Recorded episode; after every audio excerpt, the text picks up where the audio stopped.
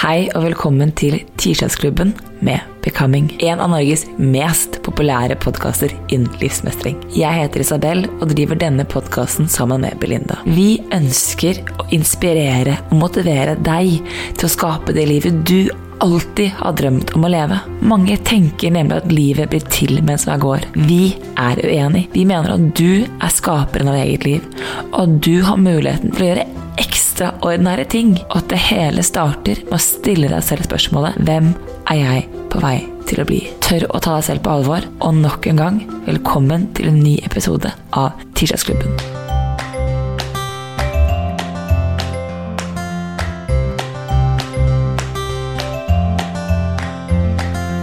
En uke eller to siden så fløy jeg fra Norge til Spania. Vi var i Spania, og så skjedde det noe på flyet som jeg beit meg litt tak i.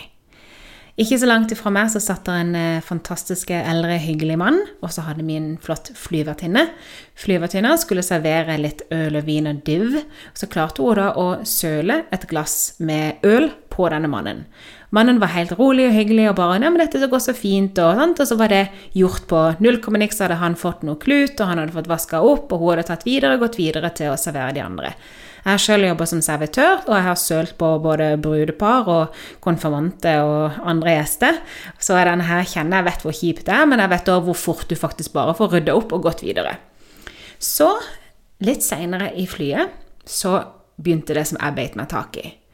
Hver gang hun flyvertinna gikk forbi, ikke hver gang, to ganger da hun gikk forbi, så stoppa han mannen seg, reiste seg, gikk opp og sa 'Jeg må bare si til deg at det er helt i orden at du sølte litt i stad'. Han holdt henne liksom sånn vennlig på armen mens han sa dette her. Han var ikke ekkel, han var ikke grisete, han var ikke noe som helst. Han var bare sånn her vennlig og sa 'Jeg må bare må bare få sagt at det går helt greit. Buksene mine ble ikke ødelagt, det ble vaska opp, og alt gikk så bra. Så nå må ikke du gå rundt her og være lei deg eller være stressa for det som skjedde. Jeg kan ikke ha det på meg at dette skal ødelegge dagen din, for kan, sånne ting kan Sånn skjer med absolutt alle. Det var ikke Det, det var, var ingen sin feil, og du må ikke ta dette her på din kappe eller noe som helst. Og hun bare ja, ja, ok, takk, takk, sant, og gikk videre. Kommer tilbake, han gjør det samme igjen, reiser seg, griper tak i henne. Nok en gang. Jeg må bare få bekrefta at du må ikke være lei deg for dette her. Og så sa han dette her med jeg kan ikke, jeg ikke, jeg klarer ikke tanken på at du skal grue deg til jobb, og at du skal være redd for å servere andre gjester pga. dette her. Så jeg må bare få sagt det. Du må ikke være lei deg for det som skjedde. Og jeg så at hun flyvertinna bare eh, Nei, jeg var egentlig ikke lei meg for det som skjedde, før du skulle betrygge meg så sinnssykt om at ikke jeg skulle være lei meg. Det han gjorde, var å speile hos sine følelser, men å speile de feil. Så I dagens episode skal vi snakke om akkurat dette her, når andre mennesker speiler dine følelser, hvordan dette her egentlig gjøres, og hva du skal gjøre når det skjer mot deg. Velkommen til en ny episode av Tirsdagsklubben. Altså, dette her er et tema som jeg syns er så sinnssykt interessant. Fordi nå skal vi bevege oss inn i et farvann som handler om det følelsesmessige måtte, um, oh, På engelsk så heter det uh, vocabulary. På norsk så heter det selvfølgelig ordforråd. Jeg tror det heter vokabular. Vokabular. Det kan godt hende det gjør. Norsken min er jo så så, så, så. Men vi skal snakke om det emosjonelle vokabulæret til folk fordi speiling er så enkelt og komplisert som det det høres ut som. Det er at jeg plukker opp din reaksjon, dine følelser, og så speiler jeg de i meg, ikke sant? Hvis du er sint, så er jeg sånn kan kjenne på at 'Å ja, her er en sinne'. Eller her er det ikke én sinne, ett sinne. Hvis du er lei deg 'Å ja, nå, hun, nå gråter Belinda', Belinda er helt sikkert trist. Det er en måte for oss å plukke opp og forstå andre mennesker sine følelser. Og dette er veldig, veldig viktig med barn. Det sies at 'jeg blir meg gjennom deg'. Barn lærer jo sine følelser gjennom sine foreldre.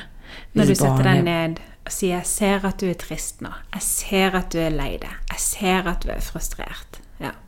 Så det er på en måte Når barn har en følelse, så er det veldig ofte foreldre som definerer hva den følelsen er. Mm. Gjennom sitt eget ordforråd og vok vokabulær rundt følelser. ikke sant? Og dette er et plugin veldig fint og supermagisk. Utfordringen skjer når man speiler feil. For det skjer faktisk ganske ofte. Og det vil si at Og barnet blir da stående i en form for eh, konflikt med hva skal jeg stole på, egenfølelse eller det foreldrene mine mener at er den riktige følelsen? For her kommer veldig ofte den definisjonen av hva som er riktige og feil følelser. For eksempel hvis et barn er Jeg kan bruke meg selv som eksempel. Er jo et fyrverkeri av et menneske. Mye energi. Har ofte brukt sinne som min liksom, utegående følelse. Vært trist inni. Veldig mange har da speilet meg om at ja, men du er sint. Så jeg er kanskje ikke sint. Jeg er bare lei meg, men jeg vet ikke hvordan jeg skal uttrykke det. Når da folk speiler meg i sinnet mitt, så har jeg et valg. Hva gjør jeg? Skal jeg være enig i det de sier? Eller skal jeg si nei og avvise de og deres måte å forstå meg på? Og på en måte den relasjonen som, og connection som bygges der. Og si at dette er feil, jeg er trist. Som liten så velger du faktisk det å tørre å være i relasjonen. Frykten for avvisning blir for stor. Det som da skjer, er at du skaper en form for falsk deg. Ikke sant? Så du splitter, det er som du deler deg selv i to, som heter ok, dette er det falske meg. Det er hun eller han som er sint istedenfor å være lei seg. Det er hun og han som måtte oppføre seg sånn som de rundt ønsker. Og så har du det som er autentiske deg, som er den personen som faktisk er lei seg. Så i virkeligheten, da, det kan ofte skje med at eh, barnet blir det, den personen som mamma og pappa vil. Sant? Du er enig med mamma og pappa, du godtar. Når du går på rommet og kanskje legger deg ned for å begynne å gråte, der er ditt autentiske jeg. Så med mamma og pappa sa du ja, beklager at jeg var sint, jeg skal ikke gjøre det mer. Så går du inn på rommet, og så begynner du å gråte. Der har du de to versjonene veldig sånn tydelig. Så det som da skjer, er at hvis når det her skjer over tid, så begynner man å eh, leve mer og mer etter det falske deg, ikke sant? Eh, fordi det føles utrygt å skulle tørre å være ærlig med deg selv. Hvis du er liten, så er det veldig vanskelig. Og nå er det sånn til, til de som er foreldre der ute, så jeg bare si at du trenger ikke å speile 100% riktig for at barn skal fungere optimalt. Sånn. Det er ikke mulig. Eh, jeg tror de sier at det er mellom 40 til 50% riktig speiling er det som måtte er nødvendig for at barn skal fungere optimalt. Eller fungere optimalt fungere. Eh, så på en måte om man speiler feil, det vil skje. Det er ikke et spørsmål om det skjer, det er et spørsmål om når det skjer. Men det som er interessant med det du forteller, da, er at her er det et menneske som speiler et annet menneske sin følelse. Den gamle mannen speiler Tror han speiler flyvertinnen. Forskjellen er bare at han putter sine følelser på henne. Mm. Han speiler sitt eget ubehag, sin egen frykt eller skam for hva hvis det var han? Så han legger sine følelser overfor flyvertinnen. Han ser ikke det flyvertinnen egentlig føler, som er ok, shit happens, liksom. Sånn skjer, som de sier. At du har sølt på, på folk som servitør før. Vi må gå videre. Det er der veldig sånn, Her er et veldig godt eksempel, for det er så tydelig. Men dette skjer veldig ofte i på en måte mindre tydelig grad. da, I bl.a. relasjoner og i hverdagen, hvor folk speiler oss feil. Og det er veldig frustrerende og kan by på mye konflikter. Fordi da sitter man ofte med følelsen at ja, men du ser meg ikke, du forstår meg ikke. Du legger en følelse på meg som ikke er min. Og det skjer så ofte i veldig sånne små glimt. Bare som at um, Ok, du er på, du er på middag med venninnen din eller familien din. Noe skjer og personen du sier et eller annet, eller et eller annet skjer, og så snur du deg mot ehm, eh, simannen, så sier simannen til deg 'Oi, nå ble du flau'. Nå, dette var flaut. sant? Og så tenker du med deg sjøl ja, men jeg ble ikke flau. Det som skjer, er at den personen som forteller deg at 'nå er du flau, og dette var sikkert flaut for deg' Hvis du, Om du så slipper en fis, eller om du søler et glass, eller om du sier en vits og ingen ler, eller uansett hva det er for noe, kan veldig ofte være at sidemannen hadde blitt flau hvis dette hadde skjedd men at du kanskje ikke blir flau. Akkurat den lille tingen der, for jeg blir svært sjelden flau. Og jeg har veldig ofte blitt speila feil der, med bare 'Å, nå er du flau, Linda'. Nei, det er jeg ikke. I det hele tatt. Sant?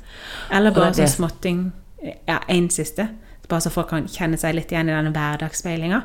Du spør noen om, eller du sier til noen at 'Å, jeg er ikke helt sikker på hvor det er', eller 'Jeg er ikke helt sikker på hvordan jeg skal fikse dette her', eller 'Å, jeg kan prøve på det, men jeg er ikke helt sikker'. Så kan Simon si 'Slapp av, det kommer til å gå greit'. Jeg bare 'Ja, jeg er helt rolig'. Sant?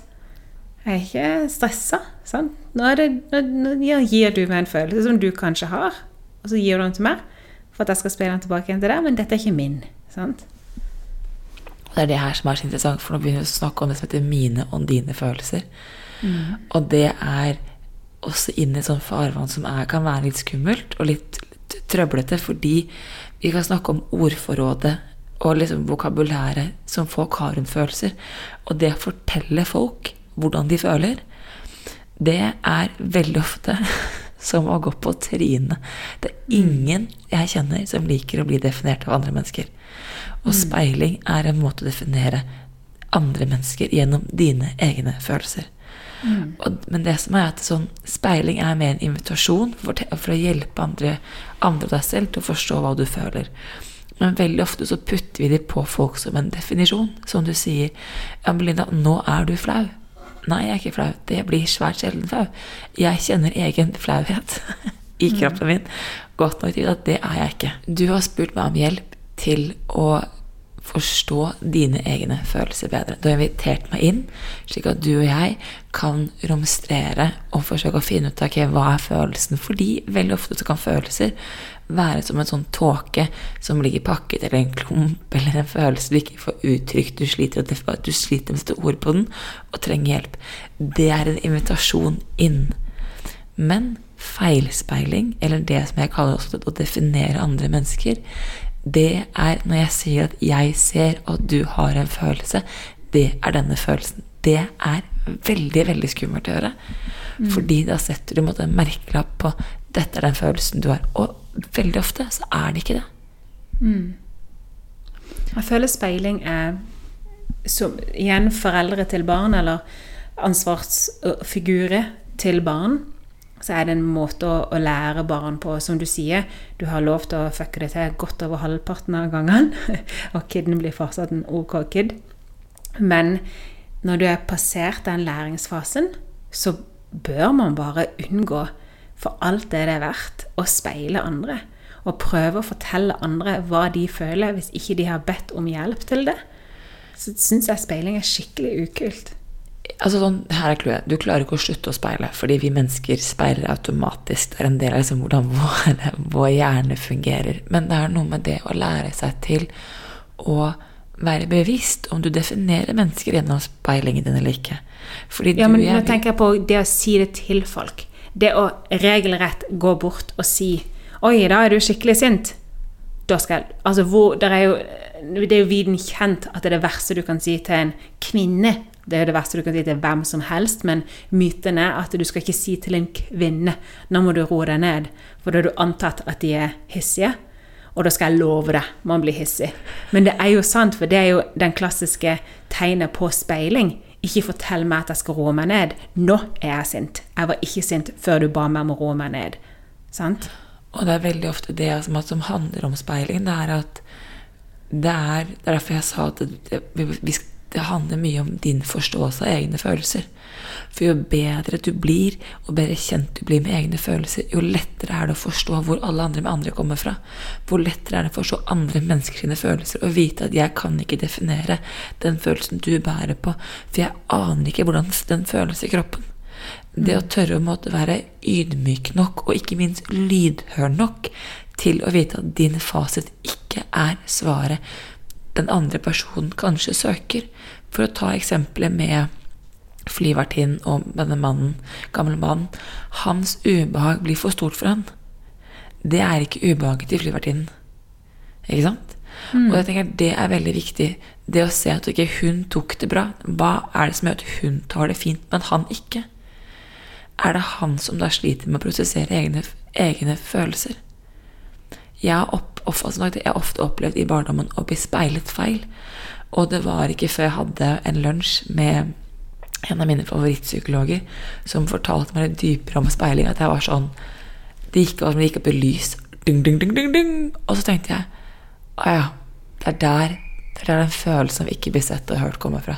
Det er der den følelsen av å bli misforstått kommer fra. For jeg har stått i skvis mellom det jeg føler, og det alle andre rundt meg tror jeg føler. Og så er spørsmålet ok, når du ender her, hvem hører du på? Hva gjør du da når du blir sperret feil? Altså, hvor skal du tørre å gå med den følelsen her? Og det jeg har funnet ut, er at men nå har jeg jobbet mye, mye med mine følelser, så jeg har liksom begynt å bli ordentlig kjent med dem. Men det er å stole på at min følelse er min følelse. Og hvis ikke jeg har invitert deg inn, så vil jeg helst ikke at du kommer inn. For sagt, da fyrer jeg. Da er det sånn. Mm. Det er det bitch-slap fra høyre kant her. Mm. Ja, da fyrer jeg òg.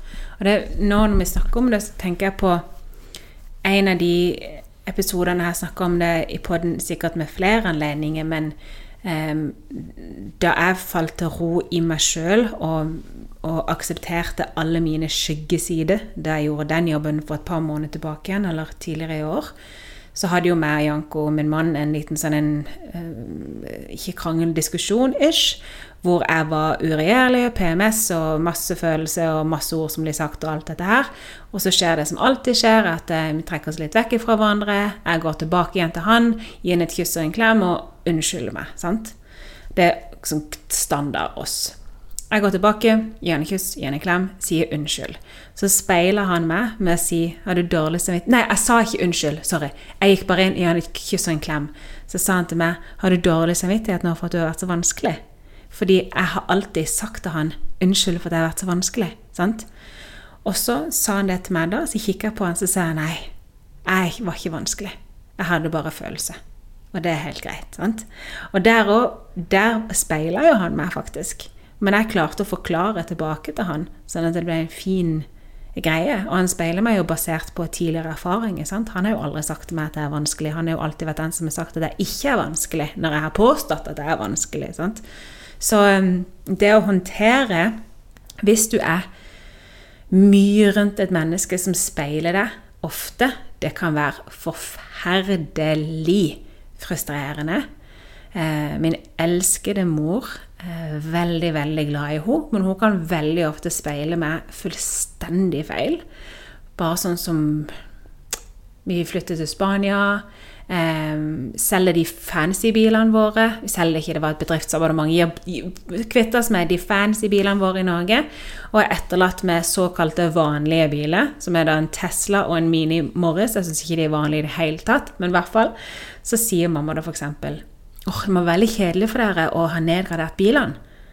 Og den lille tingen der det, vi, var, vi, hadde ikke nedgradert noen ting. Vi har oppgradert hele livet vårt.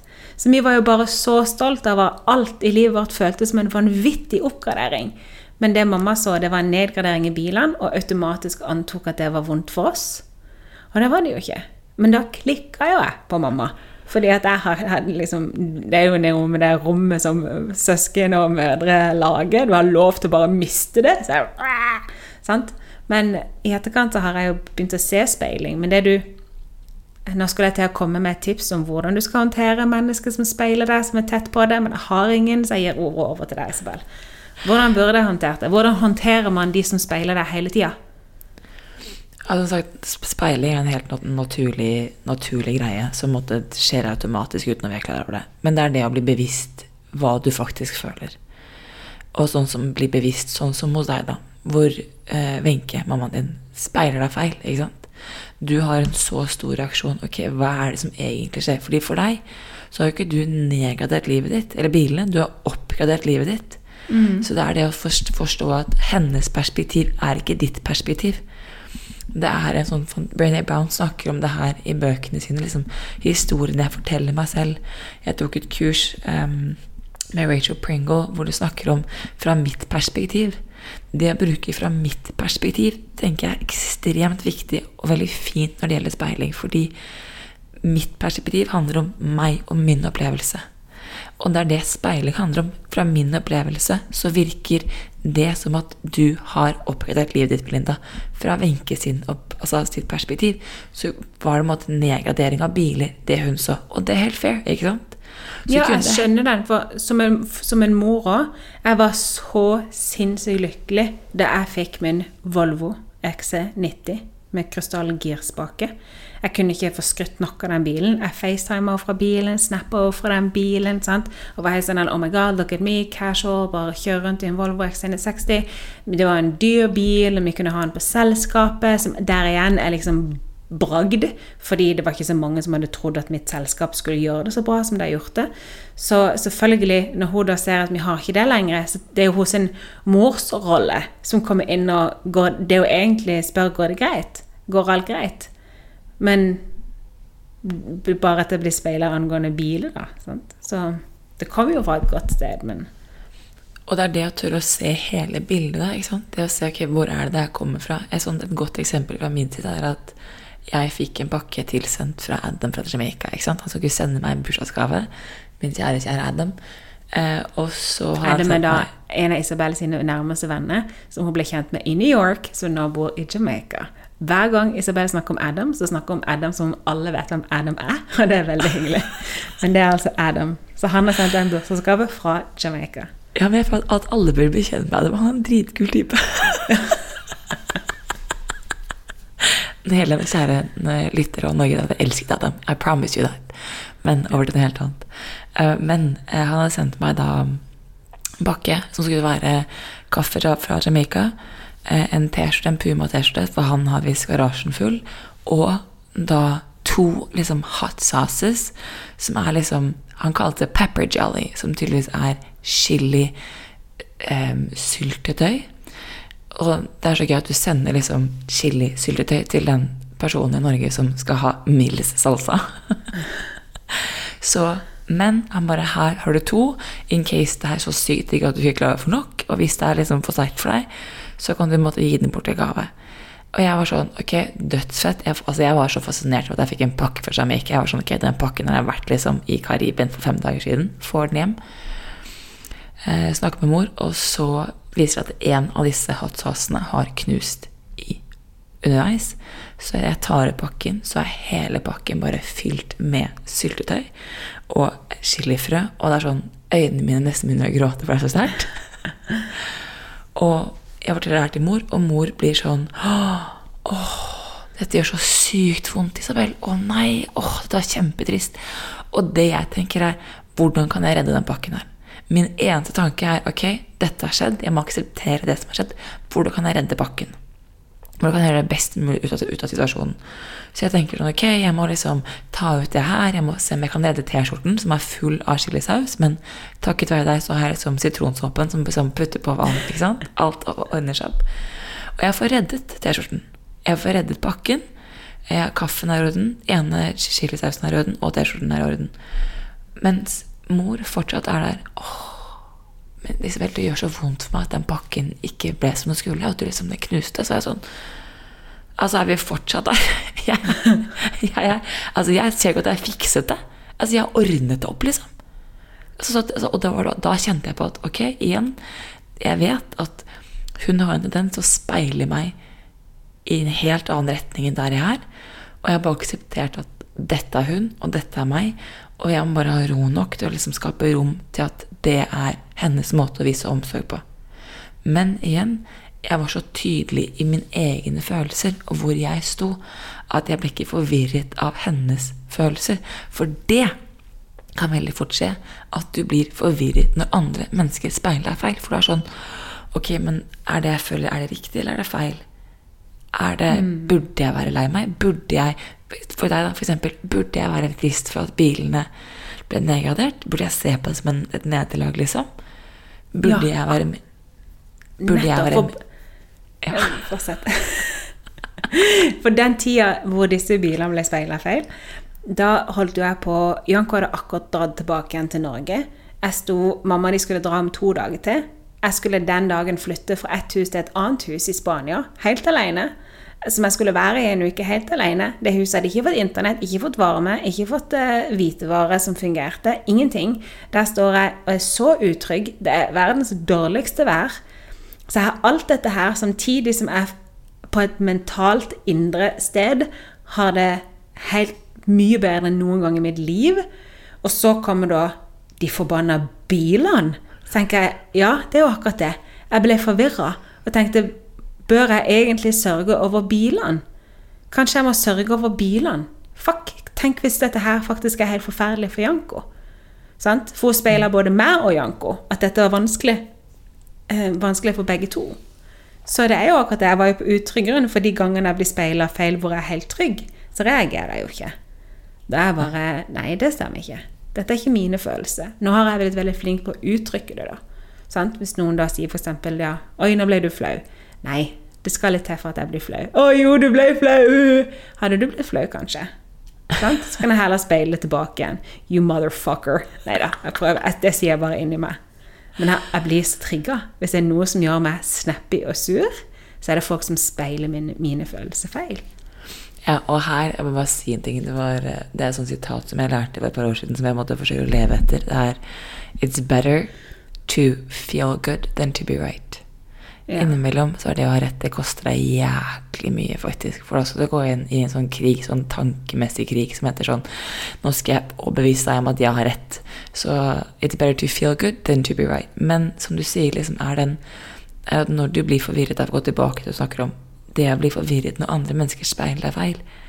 Det er her det er så viktig å hele tiden sjekke inn ok, men hva føler jeg egentlig? Fordi vi er så sinnssykt gode til å ta alle andres følelser som våre egne, og som god, og som, som jeg kan si på norsk, som god fisk. Er det et mm. ordtak? Jeg tror det er et ordtak. For good fish. Ja. Men hvor folk altså, Vi aksepterer at andre mennesker har svaret, istedenfor å gå inn i oss selv, sjekke etter hvert sånn Ok, vent litt, er det egentlig det jeg føler? Fordi, som du sier, da, når du har en trygghet i deg selv, og er trygg i den speilingen som skjer, så er det sånn, så kan du la den gå. Men det når man kjenner på at man blir utrygg eller forvirret eller frustrert, still deg selv spørsmålet er dette her mitt eller er det ikke. Og hvis det er ditt eller en kombinasjon, hva føler du egentlig? For det tenker jeg det er sånn veldig viktig spørsmål å bli bevisst. Hva er mine følelser, og hva er ikke? For vi kan ikke ta ansvar eller gjøre noe annet med hvordan alle andre mennesker føler det. Det eneste vi kan gjøre noe med, det er hvordan vi håndterer egne følelser, og hvordan vi velger å oppføre oss deretter. Og jeg tenker at det her er liksom det jeg har lyst til å snakke med speiling, spesielt fordi vi opplever det som fra da vi er små barn, er da vi, opp, vi oppdratt til å respondere på en helt annen måte enn det vi trenger å gjøre som voksne. Men det å tørre å bruke litt tid, og som jeg har sagt, jeg vet ikke om jeg har sagt det her inne, jeg har sagt det på Instagram, jeg vet jeg, at vi har snakket om det. Det å tørre å respondere fremfor å reagere. Det å tørre å oh. Det å tørre å ta et skritt tilbake og kjenne til ok, er det faktisk sant? Er jeg enig i den speilingen eller den følelsen som blir meg gitt? For du trenger ikke og, da jeg skjønte det her, så ble det var litt sånn revolusjonerende.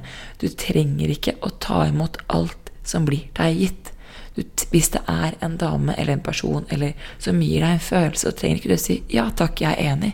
Du kan si 'nei takk, det går bra, jeg vil ikke ha den'. Jeg er ikke enig, dette er ikke min følelse, det er din. Hvis det er ubehagelig for deg, ok, jeg skjønner at du er keen på å ha den. ikke sant? Mannen på flyet. Jeg skjønner at det er ubehagelig for han å sitte det ubehaget der. Ok, but it's not my problem. Sorry, kiddo. Hmm. Det er så vittig, for um, denne her er telt til ti, eller pust dypt. Vi har jo bare sett på det som eh, morsomme ting når du blir sint, sant? Men det som skjer når du teller til ti og puster dypt, er jo faktisk at du, når du puster dypt, så aktiverer du det parasympatiske nervesystemet. Når du teller til ti, så gir du det tid til, til faktisk sette inn, så kjemisk sett, vitenskapelig sett, eh, biologisk sett Biologisk ana, I kroppen, anatomisk sett, så roder du, roder du deg jo faktisk nok ned til å kunne ta en mer rasjonell eh, beslutning og snakke mer rasjonelt tilbake igjen nå. Så jeg tror nok også hvis du blir speila feil og er en av de som blir veldig veldig trigga, så er det jo faktisk bare det å ta et steg tilbake. puste dypt, prøve å finne ut av hva du egentlig føler, og så ha mot til å faktisk si nei. Det stemmer ikke. Og det er akkurat det det er i Jeg holder på å lese en bok som heter The Body Keeps You Score hvor han snakker om traumer. Jeg syns det er veldig interessant med traumer. Hvor han snakker om at Altså sånn, Den følelsesmessige reaksjonen som skjer i hodet eller i kroppen vår, er lynrask. Vi reagerer mye fortere på følelser enn noe annet. Men det å tillate tankene å måtte komme og la hodet få lov til å summe, seg da, før du velger å respondere, kan være ekstremt viktig. I hvert fall for de av våre lyttere som går rundt med emotional authority i human design. Altså det å tørre å ikke reagere på en opptur eller nedtur, men tørre å gi den bølgen. For mm. det er veldig mange, meg selv inkludert, som aldri ble lært og aldri forsto det før nå, viktigheten av det å tørre å ri en bølge i mye større grad enn det som måtte, Jeg har alltid tenkt at jeg skal bare kutte den bølgen. Jeg skal hoppe. For å gi et eksempel, da, for jeg har òg emosjonell autoritet i mitt human design. Jeg skal ikke ta avgjørelse hvor jeg er veldig høyt oppe eller veldig langt nede. Det er grunnen til at meg og min mann fortsatte sammen. Fordi veldig ofte, spesielt i starten I starten så måtte vi jo krangle oss gjennom alt det som skal krangles gjennom. Og når jeg var da på en topp sinne eller frustrasjon eller tristhet, så skulle jeg alltid bare dra. Ja, men da pakker jeg bare sakene mine og drar! Sant? Og så gjorde jeg ikke det, da. Fordi at jeg tok ikke den avslutninga. Istedenfor gikk jeg bort. Sant? Jeg gikk på rommet mitt, jeg gikk på badet, jeg gikk whatever, og venta til det landa, og så tok jeg en avgjørelse når det landa. Så jeg tar aldri avgjørelse når jeg er veldig glad, eller når jeg er veldig lei meg. Jeg venter til jeg har landa og blitt stabil. Sant? Andre mm. de vet bare hva de skal gjøre. Bare sånn Intuitivt så kan de vite ah, burde gjøre det eller burde gjøre det, eller whatever. Jeg gjør ikke det. Når du har emosjonell autoritet, så føler du veldig høyt, og du føler veldig lavt, og ingen avgjørelse bør bli tatt på den bølgen, da. Ja, og det er det, det, å tørre For jeg har jo her hoppet, da. ikke sant? Jeg har kuttet. Jeg har sånn type som Da går jeg sinne i protest. Jeg er sånn fuck you, I'm, I'm out. ikke sant? Jeg går. så du har ridd bølgen, egentlig? Du har tatt Nei, jeg hoppet av på toppen. Ah. Når jeg blir sint, så går jeg. Ja. Jeg avviser jo Jeg vil veldig gjerne avvise deg før du kan avvise meg. Ja. Så min tanke er jo at, at um, angrep er beste forsvar. Ja. Så jeg går jo da i rent sinne. Så jeg lander jo ikke. Så jeg tar avgjørelsen, og jeg tok avgjørelsen høyt opp, og så gikk jeg. Så for meg så for meg da å tørre å si at ok, men du kan bli i følelsen, du kan sitte i følelsen Hashtag tidligere episode. Mm. Du kan sitte i følelsen og ri den helt til du lander, og så kjenne på hva du egentlig vil. For jeg angrer jo alltid etterpå. Altså ja. Anger kommer jo sånn etterpå. og så er det jo så sykt flaut å liksom krype tilbake til korset og bare Å, Åh, det ikke altså den... Jeg har jo, jeg jo pakka sakene mine og dratt én gang. Eh, og da kjørte jeg ned på Vi bodde på toppen av et byggefelt. Jeg kom på det nå, når jeg sa at det, det er grunnen til at vi fortsatte sammen. Eh, jeg pakka sakene mine og dro. Fordi i en begge to, både meg og han, har emosjonell autoritet. Som vi har høyt oppe, lavt nede. Eh, hadde Herlighet så stabile vi har blitt siden da. Helt utrolig å tenke tilbake på. Men dette her var jo oppstarten, da. Første året sammen. Um, han sier til meg at uh, hvis, er, hvis, det er sånn og sånn og sånn, så får du bare gå. Jeg husker ikke hva krangelen var. Jeg bare, ok, men da går jeg. Du ber å gå, jeg går. Pakke bagen min, sant. Jeg vet ikke hva jeg heiv oppi der. Det var noe, bare noe bullshit. Jeg satte meg i bilen, kjørte ned til nærmeste butikk, satt, plasserte meg på parkeringsplassen og venta på at han skulle trygle meg tilbake igjen. eh, og det funka jo, da. Han trygla meg tilbake igjen, og siden da så har vi skjerpa oss. Men det å ikke ta avgjørelse på toppen av den bølga, for dette, da blir det veldig flaut etterpå. Det blir veldig kleint. Blir, man er jo aldri rasjonell der oppe. Sant? Så hvis du driver, har drevet sånn alltid og bare ritt den bølga og tatt avgjørelse og handla på det Wow. Ja, så du kan jo se for deg når jeg begynte å ri den bølgen og bare ok, bare hold, liksom. Isabel, bare vent. Ja. Vent, vent, vent, vent. Hold, hold, hold. Ikke sant? Tør å holde igjen, da. Tålmodighet er en egenskap jeg holder på å utvikle, og jeg blir bedre og bedre og bedre. Både i min egen emosjonelle reise og i andre sin. Det å tørre å være tålmodig, spesielt rundt speiling og livet generelt, det er kanskje den beste gaven jeg har gitt meg selv. Og det høres så rart ut, fordi folk har vært sånn Tålmodighet er en dyd som du i hvert fall ikke kan lære deg, for du er jo så liksom er energisk. Men det er faktisk noe jeg begynner å bli bedre og bedre på. er det å tørre å ha den roen. Tørre å respondere istedenfor å reagere. Mm. Denne, det å respondere og ikke reagere og den jeg jobber aller mest med. Og jeg, jeg kan faktisk si at min mann og meg, vi har ikke hatt ikke én krangel på Hva jeg tenker Siden januar 2021, tror jeg. Er ikke det helt vilt? Og så folk tenker folk som hører på dette Ja, men det er sunt å krangle. Ja, men det er det sikkert for deg. Ikke for meg.